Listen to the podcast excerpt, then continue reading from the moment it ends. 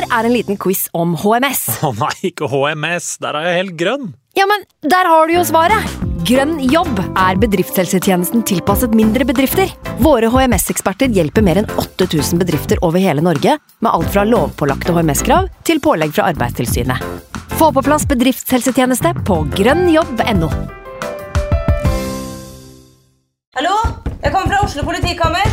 Ine Jansen er purk. Er du purk? The motherfucking bitch. Alt jeg vil, er å finne ut hva som skjedde med mannen min. Jon Carew. Er jeg sikta for noe? Iben Akeli. Det er du. Ole So, Lars Berrum og Big Daddy Karsten. Hvem sin side er du på, egentlig? Anette Hoff, Tone Danielsen, Kommer du fra Afrika? Jørnis Josef, Nesten. Kløfta. Trond Espen Seim, Det er synd å si det, men det var feil mann som døde. Purk. Premiere tirsdag på TV2 Play. I can't believe it. Football, bloody hell.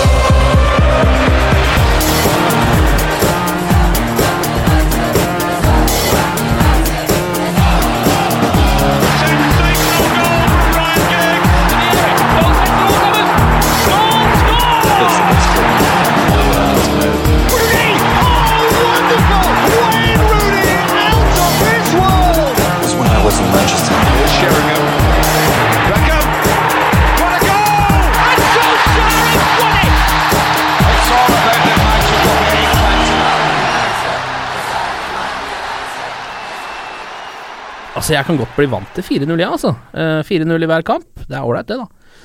Selv om det kanskje er litt for bra. eh, sånn som hvis man får en mail hvor det står at man kan få en million kroner hvis man bare fører over en liten slant til en nigeriansk bankkonto. Eller hvis en kvinne eller mann, eh, litt eh, ettersom, milevis over din liga, kommer bort til deg og sier 'jeg, du, din seng nå'. Man får liksom inntrykk av at det er noe som skurrer et eller annet sted. Og det er jo sånn vi er skapt. Vi tør ikke å tro på at fantastiske ting skal skje med oss. Men vet dere hva? Kanskje det er nå vi skal begynne å tillate oss selv å begynne å, tro bitte lite grann. Eller forresten, vi venter til kampen eh, etter kampen på Anfields. Kanskje vi Faen, nå var det nesten så jeg klarte å liksom kvele skeptikeren i meg et lite øyeblikk. Men det røk. United We Podcast, velkommen skal du være. Jeg heter Kenneth Enus Nilsen. eh, Med ved min venstre side Jonas Giæver, fotballjournalist, fotballtvitrer og også en mann med sin egen podkast. Stemmer det. Den Stemmer den heter La Liga Loca. det gjør den. Om eh, spansk fotball primært sett. Mm. Eh, om La Liga, om, om Spania egentlig litt generelt også nå i disse dager med Catalonia osv. Men, uh, men også et keent øye til engelsk fotball, spesielt Manchester United. Og der eh, har du jo også med deg Petter Wæland, pleier å være med der, er ikke det? Han, eh, han gjør det, han er med på den og sitter, eh, sitter samme sted som vi gjør nå. Og både besserwisser og orakel og, og tidvis utrolig irriterende. Men, Ja, for du har jo på en måte blitt litt sånn kjent for det du ytrer om spansk fotball, men det er jo Ja. Manchester United som er klubben i ditt hjerte. Ja, det har vel Det ble vel det som, som guttunge. Så, så jeg har mange interessefelt innenfor fotballen, men uh, ja. Det har jo det har blitt sånn da at Manchester United er favorittklubben. Og har vel alltid vært det, helt siden Ole Gunnar Solskjær og Erik Cantona prydet en øh, VHS-kassett i 97-98. Martin Jøndal, VGTV-sjef, velkommen til deg også. Lenge siden du har vært her nå. Ja, det er det For med? lenge. Hva er det du holder på med? Er det jobb som opptar deg? Ja, det er familie og jobb og Hva er det? Tidsklemme. Altså, Ja. du spiller jo inn disse podkastene rett på ettermiddagen. Sigrid, samboeren min, hun Ja. Uh, senest i går kveld eh, nærmest ropte Kan dere ikke lage disse jævla podene etter at kidsa så har lagt seg? Ja, når er det kidsa dine legger seg? Nei, sjudraget, så da må vi møtes på kveldstid. Vi skal se om vi klarer å gjøre noe Ja. med det på sikt. Ikke, altså, hun jobber mye mer enn meg, så jeg føler uh, den balansen, den, den går opp. opp. Det går bra. Jeg har ingen dårlig samvittighet for å være her i dag. Hvis du skal uh, lage et lite regnestykke over hvor mye tid du bruker på uh, din samboer, dine barn, din jobb og da til slutt Manchester United. Hvor stor del av kaka er det United tar da? Uh, altså, jeg ser jo alle kamper. Uh, jeg nekter å se kampene hjemme. Mm. eh, Så jeg må dra på Bohemen. Jeg orker ikke å se United med sånne forstyrrende elementer rundt meg. Altså med mindre det heter ja. kompiser som drikker øl. Ja. Uh, så det er jo to kamper i uka nå, og så går det jo en god del scrolling. da Følger bl.a. Uh, Jonas på Twitter, Åh, eh, takk for det. som jeg har gleda meg over i mange år. Takk, Takk, Det er sånn jeg kjenner deg, egentlig. Og du tvitrer jo mye om United. eh, på, skiller, føler jeg er god til å skille Clinton fra hveten i forhold til hva er bare et tullrykte, og hva er, har substans i seg. Ja, det har vel blitt sånn. At Ja. jeg er vel han eh, oversetteren fra spansk til engelsk og, som forklarer, eh, forklarer eh, hvordan rykter kommer og rykter går, og hva man burde stole på og ikke stole på. Men eh, så hyggelig at jeg kan bidra i det som virker som en veldig hektisk hverdag. Ja, det, det, det er veldig tidsbesparende for meg at du luker bort det som er tull, og lar meg konsentrere meg om det som faktisk har noe, har noe sannhet i seg. Har du såpass Nei, men- god hukommelse, Jonas, at du klarer å huske den forrige United-tweeten din? Hva den uh, handla om? Ja, det klarer jeg faktisk. Ja. Den, den tvitra jeg i dag. Oh ja, hva var det for noe? uh, jeg uh, Til denne podkasten, faktisk, så at jeg gjorde litt research på 04-05-sesongen. Uh, Ja. Og da kom jeg over Jeg vet ikke om dere Har dere sett Arsenal Fan TV før? Nei. Nei, det er Jeg har sett litt på sånn Facebook som blir delt. Det er jo Ja. Ja, det er, det er en karakter der som, uh, som har Arsenal-lue, Arsenal-headset, Arsenal-jakke, Arsenal-bukse, Arsenal-tatovering i trynet. Altså det er alt er Arsenal på han, da. Uh, og han poppa plutselig opp under den der eh, season review-beaten som jeg fant. Så da la jeg ut en tweet om det at jøss. Til, til og med i 2004 så var han plagsom, liksom. Der er- her er Han holder på ennå. Jeg holder på ennå. Før TV-kanalen eksisterte, sannsynligvis. Så, Ja. Sterkt. Så det, det, og det, det var jo da i relasjon til den 04-05-kampen mellom Da United tok den 49, eh, 49 strake uten tap for Arsenal. Ja, Ja. Uh, vi skal faktisk tilbake til denne sesongen Ja, uh, litt etterpå. det. For det fins et mysterium uh, rundt hva som foregikk i spillertunnelen der, som nå har blitt oppklart. Så det er bare å glede seg til. Um, men vi kan jo kanskje starte, ta det litt sånn delvis kronologisk. eh, Starte med forrige eh, Manchester United-kamp. Den var en veldig grei match hjemme mot Crystal Palace på Trafford. Martin, Mm. hva syns du? Jeg syns det var Uh, veldig behagelig å se på. Uh, det er jo det som har slått meg med de to, to siste matchene, altså kampen også borte i Russland. Det er veldig sjelden jeg ser to kamper United på rad uten å gå nevneverdig over hvilepuls. Uh, altså veldig, veldig rolig spenningsnivå.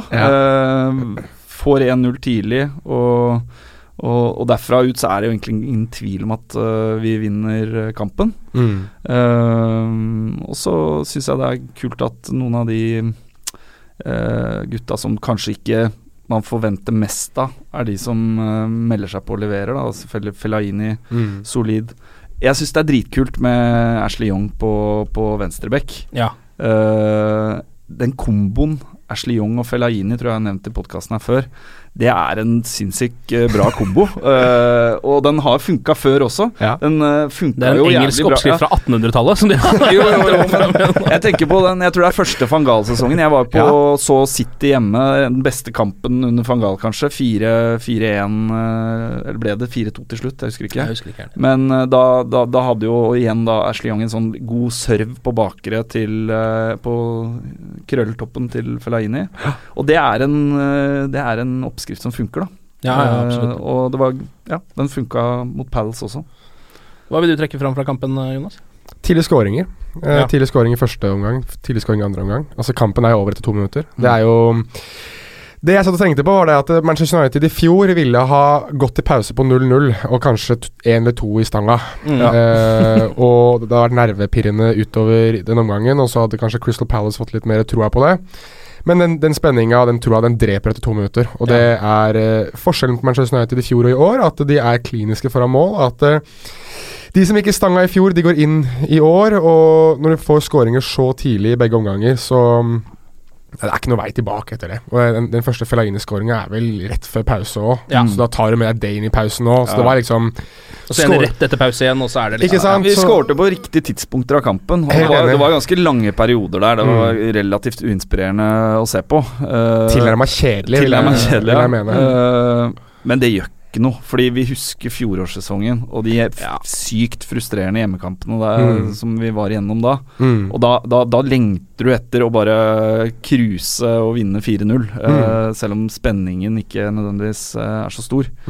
Eh, så jeg tar gjerne flere behagelige matcher. Jeg, jeg skal over og se United bort mot Liverpool om to uker. Og hvis jeg kan, hvis jeg kan stå blant bortsupporterne der med relativt sett hvilepuls, noe som ikke kommer til å skje, Eh, men jeg hadde gjerne tatt det. Da er du ikke menneskelig. Nei, det er ikke menneskelig. Det, Skal du er, men- det, det går ikke an. Skal du ha hvilepuls uansett om det er på Anfield eller Old Trafford eh, mot Liverpool, da Da har du ingenting der å gjøre, egentlig. Du burde strengt tatt legges inn der, ja.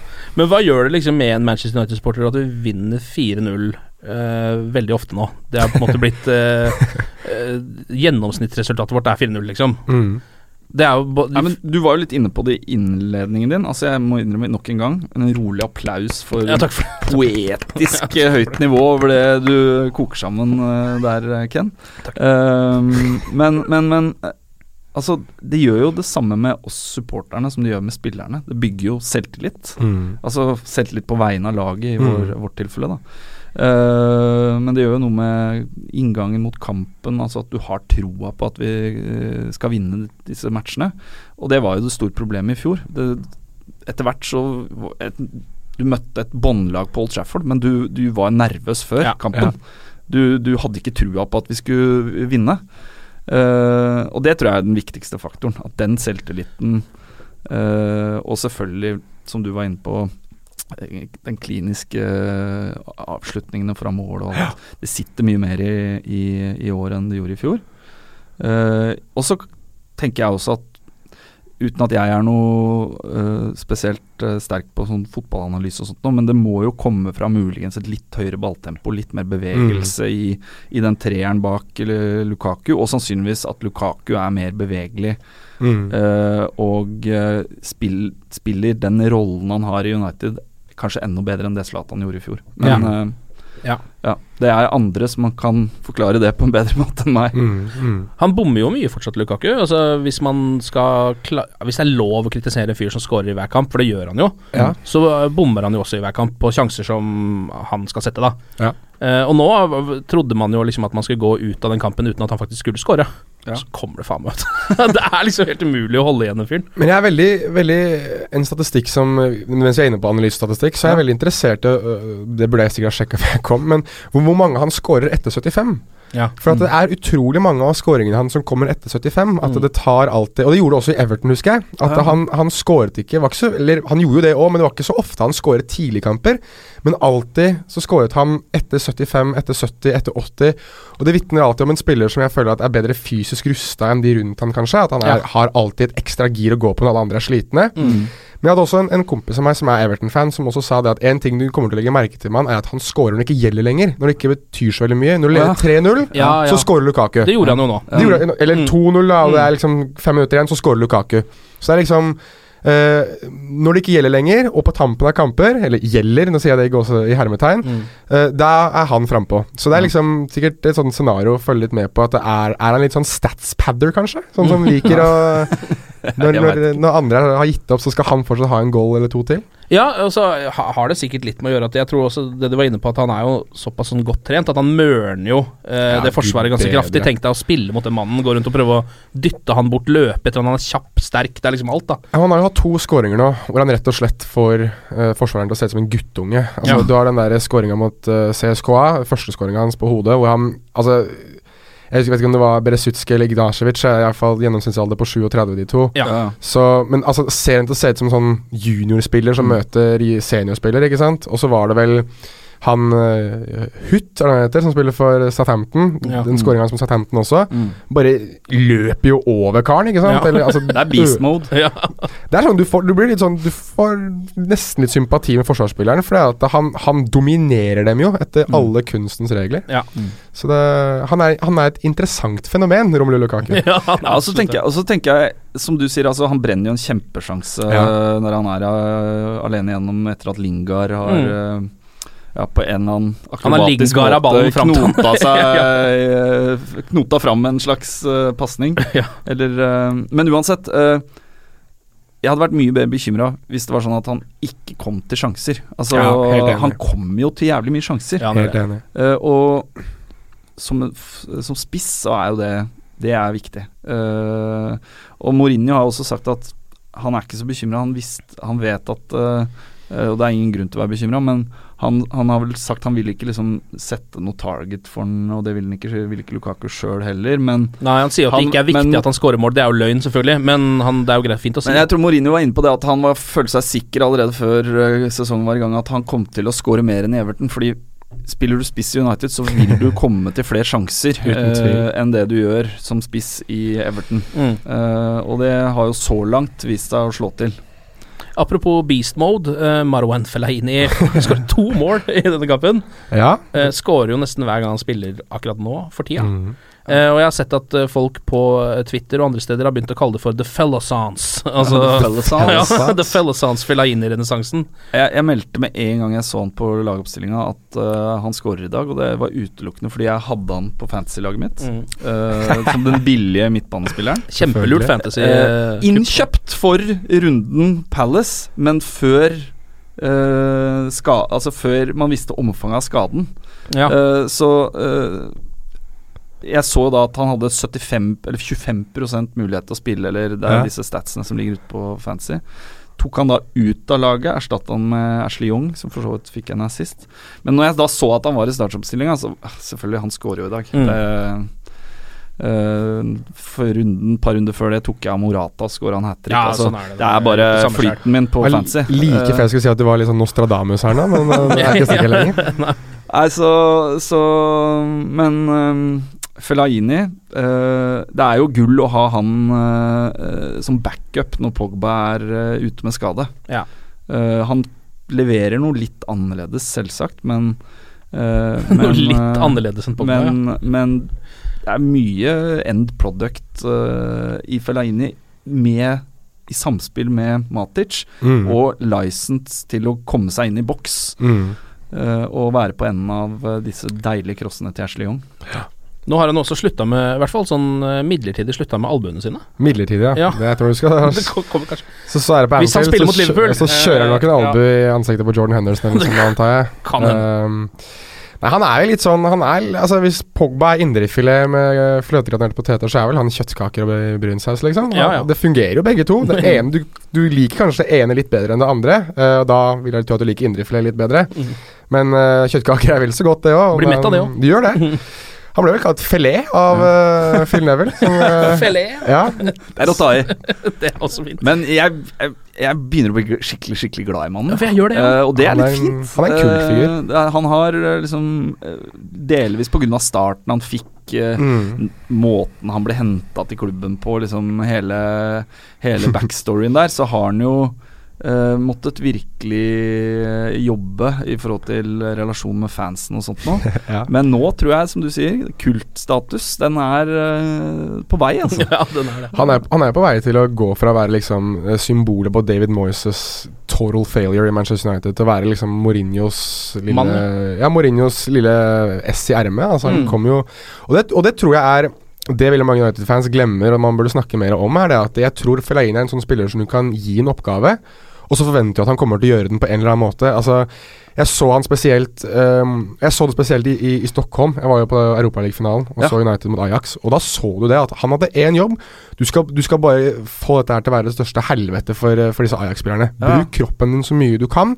Gjør det du kan fysisk. Bare ødelegg for rytmen deres. Du trenger trenger ikke å se pent ut. Trenger ikke alltid være lovlig heller, men bare ødelegg. Ja, det er det du skal. han Han, var- gjorde det perfekt. Ja, han var vår viktigste spiller i den kampen. Helt han gjorde perfekt. det Og så var han oppspillspunktet som gjorde Mm. at vi hele tiden kunne slå forbi presset til Ajax. Ja. Og når Ajax ikke fikk stå høyt og presse og prøve å vinne ball på Uniteds uh, banehalvdel, så var på en Mm. måte hele det offensive planen deres uh, Den var Den gikk det ikke an å bruke. Mm. Uh, jeg, ja, jeg var der sjøl og så akkurat det samme som deg. Mm. Gullmann i den finalen. Og en, gull, en sånn rollespiller som, øh, som Mourinho bare kan Kaste innpå. gi en bestemt oppgave, og så løser han det. Uh, og som trener så tenker jeg han, eh, han gir deg noen alternativer som uh, Som uh, eh, det ikke er så mange lag som har. Eh, så jeg tenker jo Går vi langt i en Champions League f.eks. og møter et, eh, et av de store topplaga som eh, Altså et PSG eller et Barcelona eller en, et Real Madrid eller noe sånt noe, så er ganske sikker på at Fellaini fort starter en sånn match, bare Mm. for å For bortebane. Ja, på bortebane, for, å, Mm. for å være et oppspillspunkt, en kriger. Uh, men vi får se. Vi skal først eh, skal først, Først komme dit. eh, komme dit, ja. Skal vi ta noe, dele ut noen poeng, eller hvem var de tre beste spillerne i, for United da i kampen mot uh, Palace? Jeg regner med at ingen vurderer å trekke fram noen Palace-spillere uansett her, men uh, Jonas, har du lyst til å begynne? eller? Ja, jeg kan jo prøve, i hvert fall. Jeg Du kan begynne nedenfra, da. Ett poeng, og så to poeng og tre. Ja, ett poeng. Um, og det er nok han som Hvis jeg skulle sitte og gitt disse tre poengene hele tiden, så har- har han nok solid én eller to poeng hver kamp, og det er Nemanja Matic. Mm. Altså fordi at det han tilfører det laget der, er stabilitet, pasningssikkerhet Det er Alt sammen ser så mye bedre ut med en spiller som Nemanja Matic. Minner meg veldig mye om Michael Carrick i eh, hva blir det, 12-13-sesongen. Ja. Da han endelig liksom fikk litt recognition for å være så god som han er. Uh, så han får ett poeng av meg. Uh, så gir jeg Marcus Rashford to. Jeg synes at han var et ekstremt eh, Altså, han, den der, den der vendinga hans på Ja. 1-0 Ja. er, er, er noe av det mest vanvittige jeg har sett i år. Ja. Og konstant bevegelig, konstant ønsker å være med i spillet, konstant setter forsvarslinja til Palace under press bare ved å bruke den der ekstreme farta si. Og så er vel trepoengen går jo da til, til Maran Fellaini. Den er jo grei, den. Martin? Uh, ja, det er jo vanskelig å være uenig i den uh, oppsummeringa der. Altså eh, Tre poeng Fellaini, Mm. to poeng uh, Rashford. Den er ah, deilig eh, å åpne, åpne matchen med å bare sende ja. høyrebekken til Palace langt ut i pølseboden. Ja. Uh, Jeg har også begynt å kjenne at jeg foretrekker Rashford som wing nå, med de tingene han kan gjøre der. Altså Han har jo begynt å bli en bedre assist-player enn Ja, han jeg trodde han kunne bli, eh, Mm. faktisk. Altså er det, så, det er så deilig å se den konkurransen mellom Martial og Rashford om den Ja, plassen. helt Ja. enig. Altså Jeg er så glad egentlig for at vi ikke endte opp med å, å, å hente Inter-vingen. Fordi eh, Perisic, ja. ja. Fordi jeg er litt usikker på hva, hvor, hvordan skulle vi på en måte triksa med Rashford, Martial og uh, Perisic hvis han er best på venstrekant. Nå kan ikke jeg så mye om har ikke sett han så mye og kan ikke så mye om italiensk fotball, men Ja. det er vel rollen hans i Inter, i hvert fall. Ja, i stor grad. Uh, og så kan det hende at vi hadde kanskje spilt mer 3-5-2 og sånt hvis han hadde kommet, men, Mm. men anyways Martial og Rashford, den duellen Jeg tror de gjør hverandre De har hverandre på tå hev, liksom. Har Ja. du en litt dårlig match, så er de inn med nestemann. Uh, nesten litt synd at de ikke kan starte begge to. Uh, ingen av de er vel spesielt effektive på høyrekanten. Nei. Eh, men men ja, Rashford er Jeg lurer på liksom hvordan man ville rangert han hvis han spilte i en annen europeisk toppklubb. Altså Hvis Rashford hadde vært 19 år og levert det han leverer i et Monaco eller i et uh, Dortmund eller noe sånt noe, Ja. altså ville han vært den neste altså, Vi snakker mye om Mbappe, og, og jeg føler man snakker opp disse unge talentene Ja. uh, i andre ligaer, og så Han er i klubben vår allerede, så Ja, sånn, ja. Men, men eh, han må vel på en sånn oversikt over spillere under 20 år i eh, europeisk fotball. Ja, Må ja, må komme ganske høyt på den lista. Det er vel topp Dette vet du mer om enn meg. topp fem, topp tre, i hvert fall hvis du tenker Hvis du ja, alle spillere Hvis du tenker angrepsspillere, jeg syns det er mye, mye enklere å bare dele opp sånn. Så er det Mm. i hvert fall topp fem, topp tre Ja. et eller annet sted der. Men som du sier, det er jo litt sånn hvis du allerede er en stor klubb, så venter du egentlig på at du skal Altså, jeg tror veldig mange fotballsportere venter, venter på at den spilleren skal stagnere helt og ikke gå noe videre og ende opp i Sunderland, sånn som alle Manchester United-spillere gjør. Mm. Men uh, i Rashfords tilfelle, det man ser av ham nå, og de øyeblikkene av vanvittig kvalitet som han leverer Mm. Får i hvert fall meg til å tenke på at her er det noe som er helt, helt helt spesielt. Men samtidig så er det vel sikkert mange United-sportere som tenker at ja, men det sa man om Kiko Makeda også. Og- Eller Danny Welbeck. som Ja. er eller Welbeck og Davide Petrucci, for de som husker han også, som var helt kon kongen av reservelaget. Mm. Men, eh, men eh, Nei, jeg, jeg tror at han har noe helt spesielt. Og som sagt, topp Jeg tror Kylian Mbappé og Osman Dembélé er vel én og to, og det, sånn må det nesten være. Men jeg tror fort Rashford kan være nummer tre på en sånn liste. Har Altså ikke- blir det, jeg må få gi ett poeng Ja. min. Jeg tror jeg må gi den til Ashley Young. jeg satt og tenkte på det. Det er deilig. Nei, men, men eh, kan vi ha funnet en venstreback ut sesongen, i hvert fall? Uh, Ja, som, jeg- som, som som leverer, ikke minst på det offensive. Ja, for jeg tror mot eh, gode lag så er jeg ikke sikker på om han er den rette venstrebekken. Altså Når vi skal ut mot City på bortebane, f.eks., uh, så vet jeg ikke om det er han man skal ha der, fordi han er såpass mye bedre offensivt enn defensivt. Da. Han spiller jo wing på hjemmebane, liksom. Det spørs litt på typen du møter, da. Ja, selvfølgelig. Det spørs veldig på typen du møter. Jeg tror sånn som eh, Hvis du tenker at høyrekanten Hvem er det som tenker at høyrekanten til, til Manchester City, f.eks.? Er det Ja, hvem er det som spiller der, da? Er det Leroy Sané, for noen ganger? Sané, ja. Ja. Ikke sant? Eller Stirling. Eller Sterling. Altså, Young mot Sterling syns jeg er en ganske Altså det er jo Stirling er en bedre fotballspiller, men det er en ganske jevn match fysisk. Ganske Ja, jevn match ja. teknisk sett. Altså Young er jo kjapp, så han kan holde litt ja. på farta. Tempomessig så er det ganske jevnt. Det, sam det samme, det samme nå, nå skal vi selvfølgelig snakke bitte litt om det etterpå også, men mot Liverpool, Ja, ja. hvor uh, Mohammed Salah, aka jeg har kun venstrebein, så, Mm. så skal innover hver eneste gang Mohammed Det er jo perfekt for Young. Nettopp. Mm. Så jeg Mm. mener istedenfor Darmian, som er, eh, virker som han er litt på skøyter innimellom, så Ja. tror jeg det er, det er en kamp og en kampsituasjon, ikke minst, som passer Ashley Young mye, mye bedre. Erfaringsmessig og Han, han sånn. starta jo Ashley Young eh, relativt overraskende på Anfield uh, i fjor, men da var det vel som eh, wing, tror jeg. Ja, faktisk. Uh, Mm. Men jeg forventer at han starter Young enten som venstreback i en 4-3-3 eller en kant i en 3-5-2 Ja. uh, når Ja. vi møter Liverpool borte. Det kan vi snakke mer om etterpå. Vi må snakke litt mer om Liverpool. eh, Ja, vi men vi må- må avslutte Palace her. Altså, ja, ett poeng til Ashley Young. Det er veldig bra. Vi oppsummerer det sånn. Eh, var så vidt innom eh, skaden til Paul Pogba. Nå har vi jo eh, Vi har ikke fått noen rapporter ennå. Vi vet ikke hvor lenge han er ute. Nei. Men eh, Mourinho har sagt at Eller Mourinho sier de har ikke håp på samme måte som jeg har med noen av de andre småskadene vi har. Så det er tydeligvis en litt lengre skade, da. Mm. Men er, det er ingen som har noe Pleier vi ikke alltid få Jeg føler at vi alltid får et tall! Jeg vil ha et tall! Hvorfor er det Et ukeantall. Ja, hvorfor er det ikke Ja, hvorfor er det Ble det, ble det nevnt noe desember? Eller er det Jeg har er hørt så mye forskjellig. Det er nevnt. 2018 er nevnt. Eh, 2018 liker jeg ikke.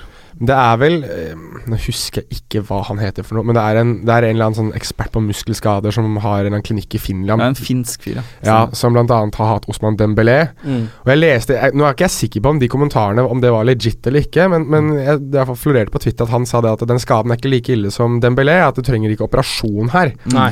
Eh, men at, det er en res, at du må restituere ordentlig. En ordentlig. legningsskade, han må bare lege den, liksom. Ja.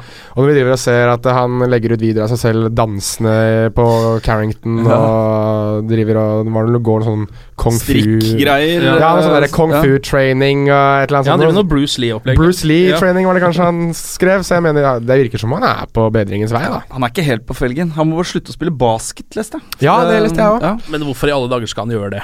Nei, altså Han elsker Syns du basket er altså. moro, da? Ja, men altså, det, man løper jo rundt i basket også. Det er- kan jo ikke være noe bra det med en, eh, et bein som ikke holder helt. Nei, men altså altså Mye Når han er da. skada, så må han ta restitusjon på alvor og sånt. Da. Ja. Men uh, ellers så blir det litt sånn han kan ikke, Det er litt sånn norske Premier League-spillere fikk ikke lov til å gå på ski hjemme i Norge på ferie. Nei, altså, han kan altså, godt spille liksom basket Mye forbehold. Jeg veit de tjener mye penger og alt det, men uh, Ja, hvis han er skadefri, kan han godt spille basket. Shoot some hoops, man. ja, ja, det kan han få lov til. Uh, en annen uh, ting som har dukka opp i det siste, er jo ganske voldsomme rykter rundt Mesut Özil. At Mm. han skal til Manchester United. Jonas, er, du, er det noe hold i dette, eller vet du noe om det? Nei, Jeg vet ikke noe om det helt, helt personlig, men jeg, men eh, jeg synes at det gir veldig veldig mening. da Det er jo en spiller som Mourinho elsker, Mm. og har elsket i ganske lang tid. Han hentet jo Mesut Özil til, til Real Madrid i 2010, og da Mourinho forsvant i 2013, så tok det vel et par uker, og så var Özil ut av døra også. Ja. Så det er, jo, det er jo en spiller som man har en nær relasjon til, og som var en nøkkelspiller på det jeg mener at var José Mourinhos absolutt aller beste lag. Han hadde jo dette laget til, eh, til eh, Real Madrid i 2011-2012, som vant La Liga, vel. Eh, Det var jo 2011-2012. Eh, og da skårte de 121 mål, Mm. og ha, fikk totalt 100 poeng. Uh, Mesut Özil hadde vel da noe sånn I ligaen så hadde han nærmere 20 målgivende. Mange av de til Cristiano Ronaldo, selvfølgelig. Mm. Men en spiller som har fungert i et Mourinho-system tidligere, som vet hva som forventes av ham. Mourinho vet hva han får av ham. De har en god relasjon tilsynelatende. Han har vel kalt Selv når Øzil var i Arsenal, så kalte han ham for den beste tier- tieren i verden. Ja. Så det er jo en spiller som Mourinho helt klart har lagt sitt elsk på. Uh, spørsmålet da er jo hvem som skal ut. Altså Mm. Det er ikke Mkhitaryan, tror jeg, og da tipper jeg at det er Juan Mata som må vike. Mm. Han har jo kontrakt ut denne sesongen her, hvis ikke jeg husker helt feil. Mm. Så, så jeg kan fort se for meg et scenario der Øzil signerer Jeg liker ikke å si gratis, for det er ikke gratis. Det er eh, Signing on-feen blir høyere fordi eh, det ikke er noe kontrakt der. Men han kommer kontraktsløs, kan vi si, eh, fra Arsenal. Og der, den, den, det tror jeg begynner å bli ganske klart nå. At han kommer til å forlate Arsenal uh, når sesongen er over. Og så tror jeg at det er eh, Med mindre Wenger klarer å dytte han ut døra til en annen klubb i januar Jeg leste at Inter var interessert, f.eks. Uh, så, og jeg tror ikke Øsil vil det. Jeg tror Øsil vil til et sted der han kjenner treneren. Og jeg tror han er en sånn spiller som reagerer på å bli klappet litt ekstra på ryggen og litt kjæla med og sånn. Og selv om Mourinho har tidligere vært veldig hard med ham, så, så kjenner de hverandre så godt og har et så godt forhold at jeg tror Øsil er en sånn som setter seg på bakbeina og sier 'jeg skal til Manchester United', hvis Mm. det er mulig. Så jeg tror det er hold i ryktene. Jeg tror at det ligger noe i det. Og jeg ville ikke bli overraska dersom det skjedde. Nei. Jeg, bare, for jeg er litt usikker på om eh, Altså Det jeg har sett av Mesut Özil Jeg husker han var veldig god i den realtida. Da var han jo også Har han ikke hatt litt som fallende kurve Det det i Premier League? Altså En føler, kjempebra førstesesong i Arsenal, Ja. og så har det på en måte blitt færre mål, færre målgivende Men er ikke det litt Arsenal, da? Jo, Det kan hende, det, altså. Det er litt Arsenal, og jeg mener det at det, når du kommer fra å ha vært på, i et lag som er så suksess Altså Med all respekt til Arsen Wenger, med all respekt til Arsen Wenger altså det er, Han er ikke en like stor medaljegrossist og tittelgrossist som det Jose Mourinho er. Han, jeg tror ikke jeg tror ikke at et regime under Arsen Wenger er like resultatorientert hele tiden som et regime under José Mourinho. Og jeg tror enkelte spillere reagerer veldig på det at Mourinho er så besatt på å vinne. Altså By any means necessary, og det har vi sett med Mourinho. Mens Wenger er mer eh, Det skal spilles pent, det skal spilles fint. Det er liksom mer, det er mer vi sier mye maskinfotball i Tyskland, men det er mer maskin over Mourinho enn det er over Lenger da Og jeg Mm. tror, jeg tror Øzil responderer bra på det. Fordi som vi, som vi ser, hver gang Øzil spiller for Tyskland, så er det ikke noe problem. Nei. Der eh, sprudler han og ser ut, som, sant, uh, ser ut som verdens beste tier igjen. Mens i Arsenal så forsvinner han i storkamper. Men det er også det som er det fine, men jeg, da, for Manchester United. Det å, hvorfor man kanskje ikke vil være så negativ til henne til Øzil. For han har noe bevis i England. Ja. Mm. Han må virkelig bevise at uh, han er så god som alle mener at han er. Eh, så med Mourinho eh, Med Mourinho og et lag som er veldig veldig sultent rundt seg, så tror jeg han kommer til et perfekt prosjekt. Ja. Men hva tenker du da om um, Altså Grismann og uh, Ja.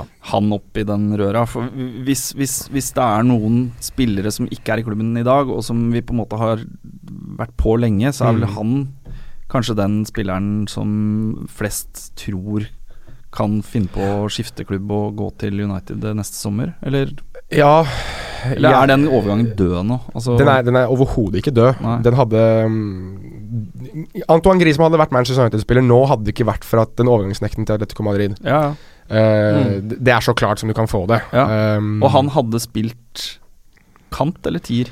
Tier. Han hadde Ja. spilt bak eh, Lukaku, kanskje innimellom også foran Lukaku. Uh, men da hadde nok ikke Zlatan blitt signert på ny, tror jeg. Nei. Da tror jeg han hadde forsvunnet. Eh, kanskje som en sånn elder statesman, da. Det kunne vært mulig at han hadde vært liksom i troppen, men jeg, Mm. men jeg tror ikke han hadde hatt en like vital rolle som han kommer til å få når han er tilbake. Nei.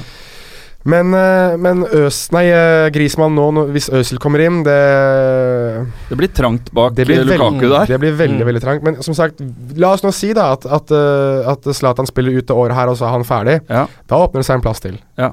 Du må Da er ha to spisser. Må nok ha to Ja. spisser, og Mourinho har eh, for vane å foretrekke å ha enten to eller tre spisser i troppen sin. Altså Benzema Iguain, Drogba Eto, uh, Gudjonsen Kessmann, uh, Eto Milito. Så Mm. han har liksom hatt to spisser som begge har byttet plass, og som noen har spilt, noen har spilt på kant, og, noen, og det kan jo Grismann gjøre, det kan Lukaku gjøre. Så det er, jeg tror han skal ha to, to frontspisser, og han ser ikke på Rashford eller Marcial som spisser, tror jeg. Jeg tror han ser på de som Mm. sånn innoverkanter som han Mm. uh, forelsket seg i litt grann i uh, både, både i Chelsea, men spesielt i Inter. Da var han veldig veldig glad i innoverkanter. Tror du ikke at Rashford kanskje kan vokse inn i en sentral spissrolle med litt mer muskler og litt mer physical presence Jo, uten Ja, tvil. det kan hende. Men hvis, når du er 19 år, så skal du liksom ikke gjøre det Nei. nå, tror jeg. om fire-fem år, kanskje? Uten ja. tvil. Og om fire-fem år så er han 23-24. Ja, ja. Mm. Så jeg Ja. mener Det er sjukt, ass! Ja, det er helt konge. Men er eh, Men, men da Ja, fordi jeg, jeg må bare si at jeg jeg er veldig svak for mat, da. Ja, det er jeg. Eh, og jeg har like mye med typen og måten han Han er utafor banen. Altså Han er Ja. en fantastisk spiller, men han er også en helt uh, unik ambassadør for uh, yrket fotballspiller. Jeg er enig i det. Uh, altså, uh, så jeg vil jo nødig se han forsvinne, men det er klart, kommer en Øsil, kommer en Grismann, så begynner det å bli utrolig trangt i den, i den treeren bak en midtspiss. Mm. Og eh, Men hvis vi skal ta en uh, lynrask avstemning på det, da hvis vi legger menneske-Mata til side, la oss si at det ikke er noe viktig nå. Menneske Uh, menneske Juan Manuel Mata er det ingen som kan klage på. Uh, terningkast seks. Ja. Men så tar vi fotballspilleren Juan Mata, og så tar vi fotballspilleren Mesut Özil. Og så tenker du hvem av de vil du ha? Du kan velge en av de, liksom. For det, det føler jeg kan være realistisk. Jeg tror ikke begge kommer til å være Ja. i den troppen. Nei. Ja, De spiller jo ikke engang på samme posisjon, men det blir liksom et sånt Det det blir jo et sånt rekkespill der hvis du dytter Mkhitaryan ut av tierrollen, som kommer Ja. han over på høyrekant og pusher Men Mata var jo også, Nei, jeg også sier- jeg egentlig en altså, tier. For å være helt Mm. ærlig, jeg vil ha jeg vil, Ok, det er ikke mitt problem å sette opp det laget hver uke. Jeg vil ha begge. jo, jo. Ja, men men, men hvis, hvis vi spiller 60 matcher i året Jeg, jeg syns det er du er vanskelig spilleren? Eh, Jeg syns det er vanskelig å, vanskelig å si. Jeg, jeg må innrømme at jeg ville heller sett en Alexis Sanchez enn Ja. en Øzil Ja, i ja, ja, ja, United. ja, ja, ja. eh, Sånn som situasjonen er nå. Han har noe uh, vi mangler, føler jeg, i eh, I hvert fall på høyre kant uh, med Mata. Altså Han har et helt annet tempo. En sånn Ja, han har også en power, liksom. en Litt sånn Rooney-aktig ja. Råskap. Mm. Uh, så, så Så jeg Jeg er ikke jeg vil, og jeg vil heller ha Grismann enn Øsil også. Ja. Jeg tenker kanskje at Ø- Ø- kan være et litt sånn alternativ til Grismann hvis han blir Mm. for dyr. da Hvis Mm. uh, forhandlingene stopper opp og sånt noe, så holder vi han eh, Ja. varm. eh, på samme måte som spiller Morata, Lukaku, Mm. som han tror skjedde i, Lukis, eh, i kulissene. For jeg føler jo at Mata i Premier League har vært en bedre spiller enn Mesut Özil. Han Ja, har gjort mer, han skåret mer, flere ja. assist ja, I, pre I Premier League? I Premier League, Ja, okay. tror ja. jeg, da. Eh, Men men ja, ja. særlig når han var i Chelsea. Da var han jo Ja, og, og, og tidvis for Manchester United Ja. har vært Ja, ja. en uh, viktig spiller. Men Ja jeg er jo ganske sikker på at Mesut Özil har et mye høyere toppnivå. Ja, det er jeg helt enig i. Så det er, vel, Det er det er jo den avveininga der er jo vrien, da. Jeg er helt enig i det. Jeg eh, s- skulle selvfølgelig Altså Hadde du gitt meg menneske med Özil eller menneske Juan Mata, så gir jeg, Juan, gir jeg det til Juan Mata every day of the week and twice on a Sunday, som man sier. ja. Men eh, nei, toppnivået til Øzil er så mye høyere. Han har, vist, han har bevist at uh, toppnivået hans er mye, mye høyere. Han har bevist i større grad under Jose Mourinho at, Ja. han, at han fungerer. Ja. Og jeg tror at han, eh, han er eh, den spilleren som eh, hadde passet best inn hvis du skulle bytte ut Juan Mata. Og jeg skulle kunne valgt hvilken som helst tier i verden, Mm. så hadde jeg nok valgt Mesut Özil fordi jeg vet hvilket system han fungerer i. Jeg har sett han Jeg så han nok i Real Madrid Ja. til å vite at det, Jeg stoler på deg. ja. Men et, et interessant, en interessant For alle som har lyst på Sanchez, så, så vil jeg bare også bare få sagt det. det er sånn, det dette er min nerdestat som jeg liker Ja. å legge inn et, et sted i alle podkaster jeg er i. I 2013 så spilte Sanchez Copa America. I 2014 spilte han VM. I 2015 spilte han Copa America. I 2016 spilte han Copa America. I 2017 spilte han Confederations Cup. Og nå skal han kanskje spille VM til sommeren. Han har ikke hatt pause, han, siden 2012. Han Nei, har, han har ikke pauser, han. Så jeg sitter og venter på at han kommer til å skade seg noe vanvittig. Jeg kommer til å slite noe skikkelig med noen muskelskader når han begynner. Nå er han mm, 28-29. Ja, nå tror jeg- Ja. Gud bedre, han kommer til å slite med muskelskader, altså. Mm. Ja, Får bare håpe at Chile ikke kommer til VM. eh. For, han, for hans kroppsdel, For hans så kroppsdel. Han trenger en ferie, han. han, trener, han er jo utrolig topptrent, skal det sies. Ja. Men jeg tror ikke det er menneskelig jeg, å aldri ha en pause. Han har Nei, aldri det- pauser. Og selv når han er skada, så vil han jo spille. Ja, han, Han er blir jo sur da hvis han Ja. ikke får Ja, så jeg mener eh, Nei, jeg, jeg eh, elsker Alexis Sanchez, men eh, jeg tror at vi kommer til snart til det, det punktet hvor han kommer til å skade seg. Og det kan faktisk være sånn blessing in the skies for Arsenal å miste han uh, før han får alle de skadene. Mm. Kan være. Mm. Vi skal nå reise tilbake til eh, oktober 2004 en liten tur. Uh, Manchester United har nettopp spilt mot Arsenal i en uh, heseblesende match på Old Trafford. United vinner til slutt 2-0, men kampen fortsetter på en måte inn i spilletunnelen, uh, hvor alle spillerne går litt i tottene på hverandre. Og det ender opp med at et pizzastykke blir kasta i fjeset på sir Alex Ferguson fra Arsenal-hold. Eh, og dette her har jo folk nå gått og lurt på hva i alle dager var som skjedde. Hvem var det som kasta denne pizzabiten? Og nå har vi da fått løsningen på det lille mysteriet, uh, som de kaller for Battle of the Buffet, er det ikke det de kaller det? Det er de kaller det. Battle of the Buffet. Ja. uh, for nå har nemlig Chesk Fabregas eh, vært ute i et intervju og sagt at det var han som slang det pizzastykket i trynet på Sir Alex. Han sier at det var ikke intensjonen hans. Uh, intensjonen hans var å kaste pizzastykket fordi han var sur, men han trodde ikke du skulle treffe det rødmussede fjeset til gud sir Alex Ferguson. Men det gjorde det, så han har nå vært ute og beklaga. Uh, Godt uh, altså 13 år eh, etter. ja. Det måtte vel gå ja, han, han, var vel, han var vel en av de mistenkte allerede sånn rett Ja. etterpå. Ja. Altså, jeg mener å ha lest Han eh, hørt hans navn eh, i forbindelse med dette. Ja. Nå har han da bekrefta det selv, eh, og for så vidt vært ute og beklaga det, så da er vel den saken grei. Er det noe foreldelsesfrist på pizza? Cirka 13 år, tror jeg det er. Ja, 13 år, ja. Så han kan komme, Cirka 13 år på Ja, pizza. han kommer akkurat unna med det. For øvrig, at de herligste øyeblikkene i United eh, som jeg husker da, som barn, når Ruud van Nistelrooy skårer det straffesparket året etter at han har blitt harselert med av alle Arsenal-spillerne. Ja. Og den feiringa hans, hvor han Ja. hyler inn i mikrofonen etter å ha scora. liksom, du ser jo all frustrasjon og all sinne bare går ut i én feiring. Det er de nydeligste feiringene jeg har sett. Hele den tida der var jo magisk. fantastisk. Altså, Ja. Og jeg elsker, jeg elsker Jeg ser den kanskje en gang et par ganger i året. Den der videoen fra tunnelen med Keane mot Vieira. Ja, I Eh, året? Det må jeg par, par ganger i uka, det. ja, men den- den, er, den er helt nydelig, den videoen. Jeg var på den matchen, og den stemninga at det var på Hybrid Jeg savner, jeg savner bortekamper på Hybrid, altså den eh, nye, Ja, Emirates, nye. Emirates stadion. Veldig fin, men det blir ikke det samme, altså. Er ikke noe i nærheten av hvordan det var å være borte, bortesupporter på Hybrid. Savner jo også hele liksom, det rivaleriet der. Fordi nå er det jo sånn at vi kommer jo til å se det ja, Kanskje det er litt annerledes med Liverpool, faktisk. Men selv jeg føler selv når United møter City, så er det på en måte eh, det ikke, det, du, du kjenner at de kommer ikke til å banke opp hverandre etter kampen. Uansett hva som skjer, så er det liksom Ok, dette er proff, det er fotball, og så etterpå så er vi venner. Ja. På en måte. Den mentaliteten Som der. bytting av drakter og sånn. Og, altså Spesielt etter den kampen da snakket vi om, om han nettopp igjen. Da Sanchez eh, var eh, ekstremt god. Siste kampen til van Hal, vel, som eh, Eller siste uh, Arsenal United-kampen til van Hal. Da Arsenal leda vel 3-0 etter 20 minutter, eller hva det var for noe. Øzil og Sanchez skåret vel begge to den kampen, Ja. der, hvis jeg ikke husker feil. Så var det sånn Stemninga var liksom Det var det var, det var ikke noen som Det var ikke den frustrasjonstaklinga du venta på, eller det var liksom ingenting, da. Det var litt flatt.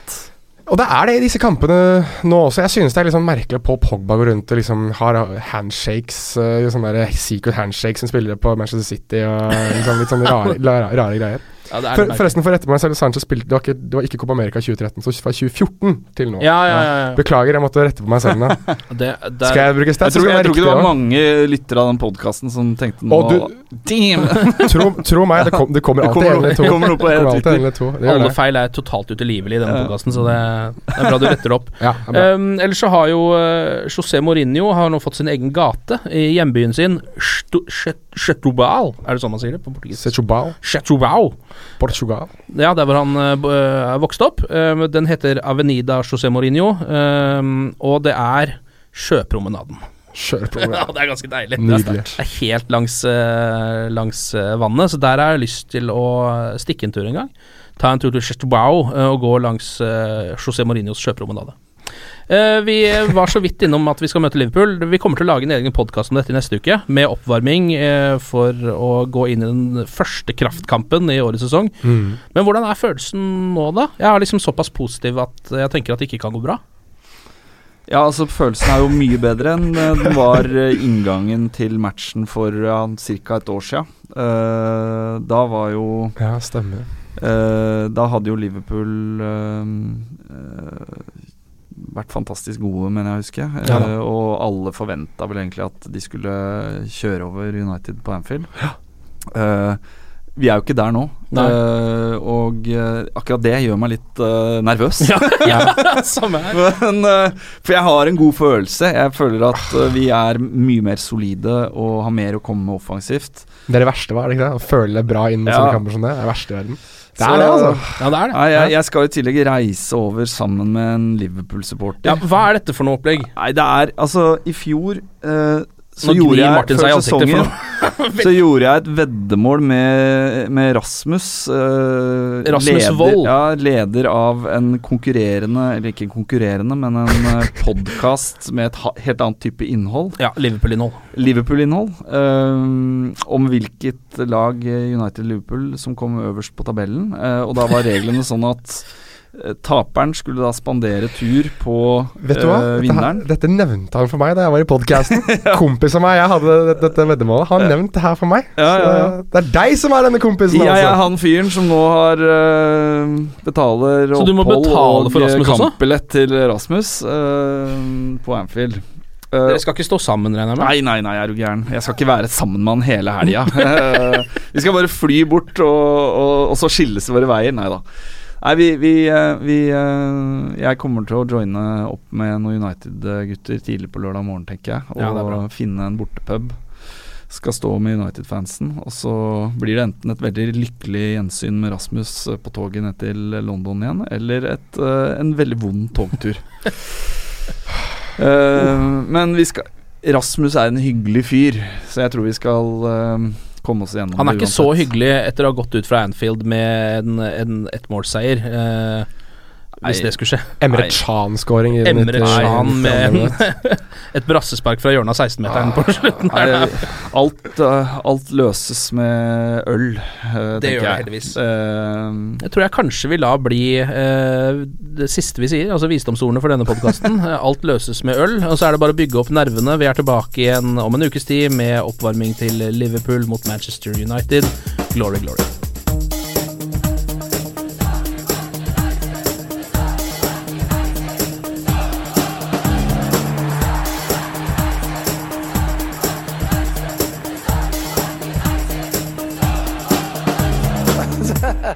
Oh, it's true.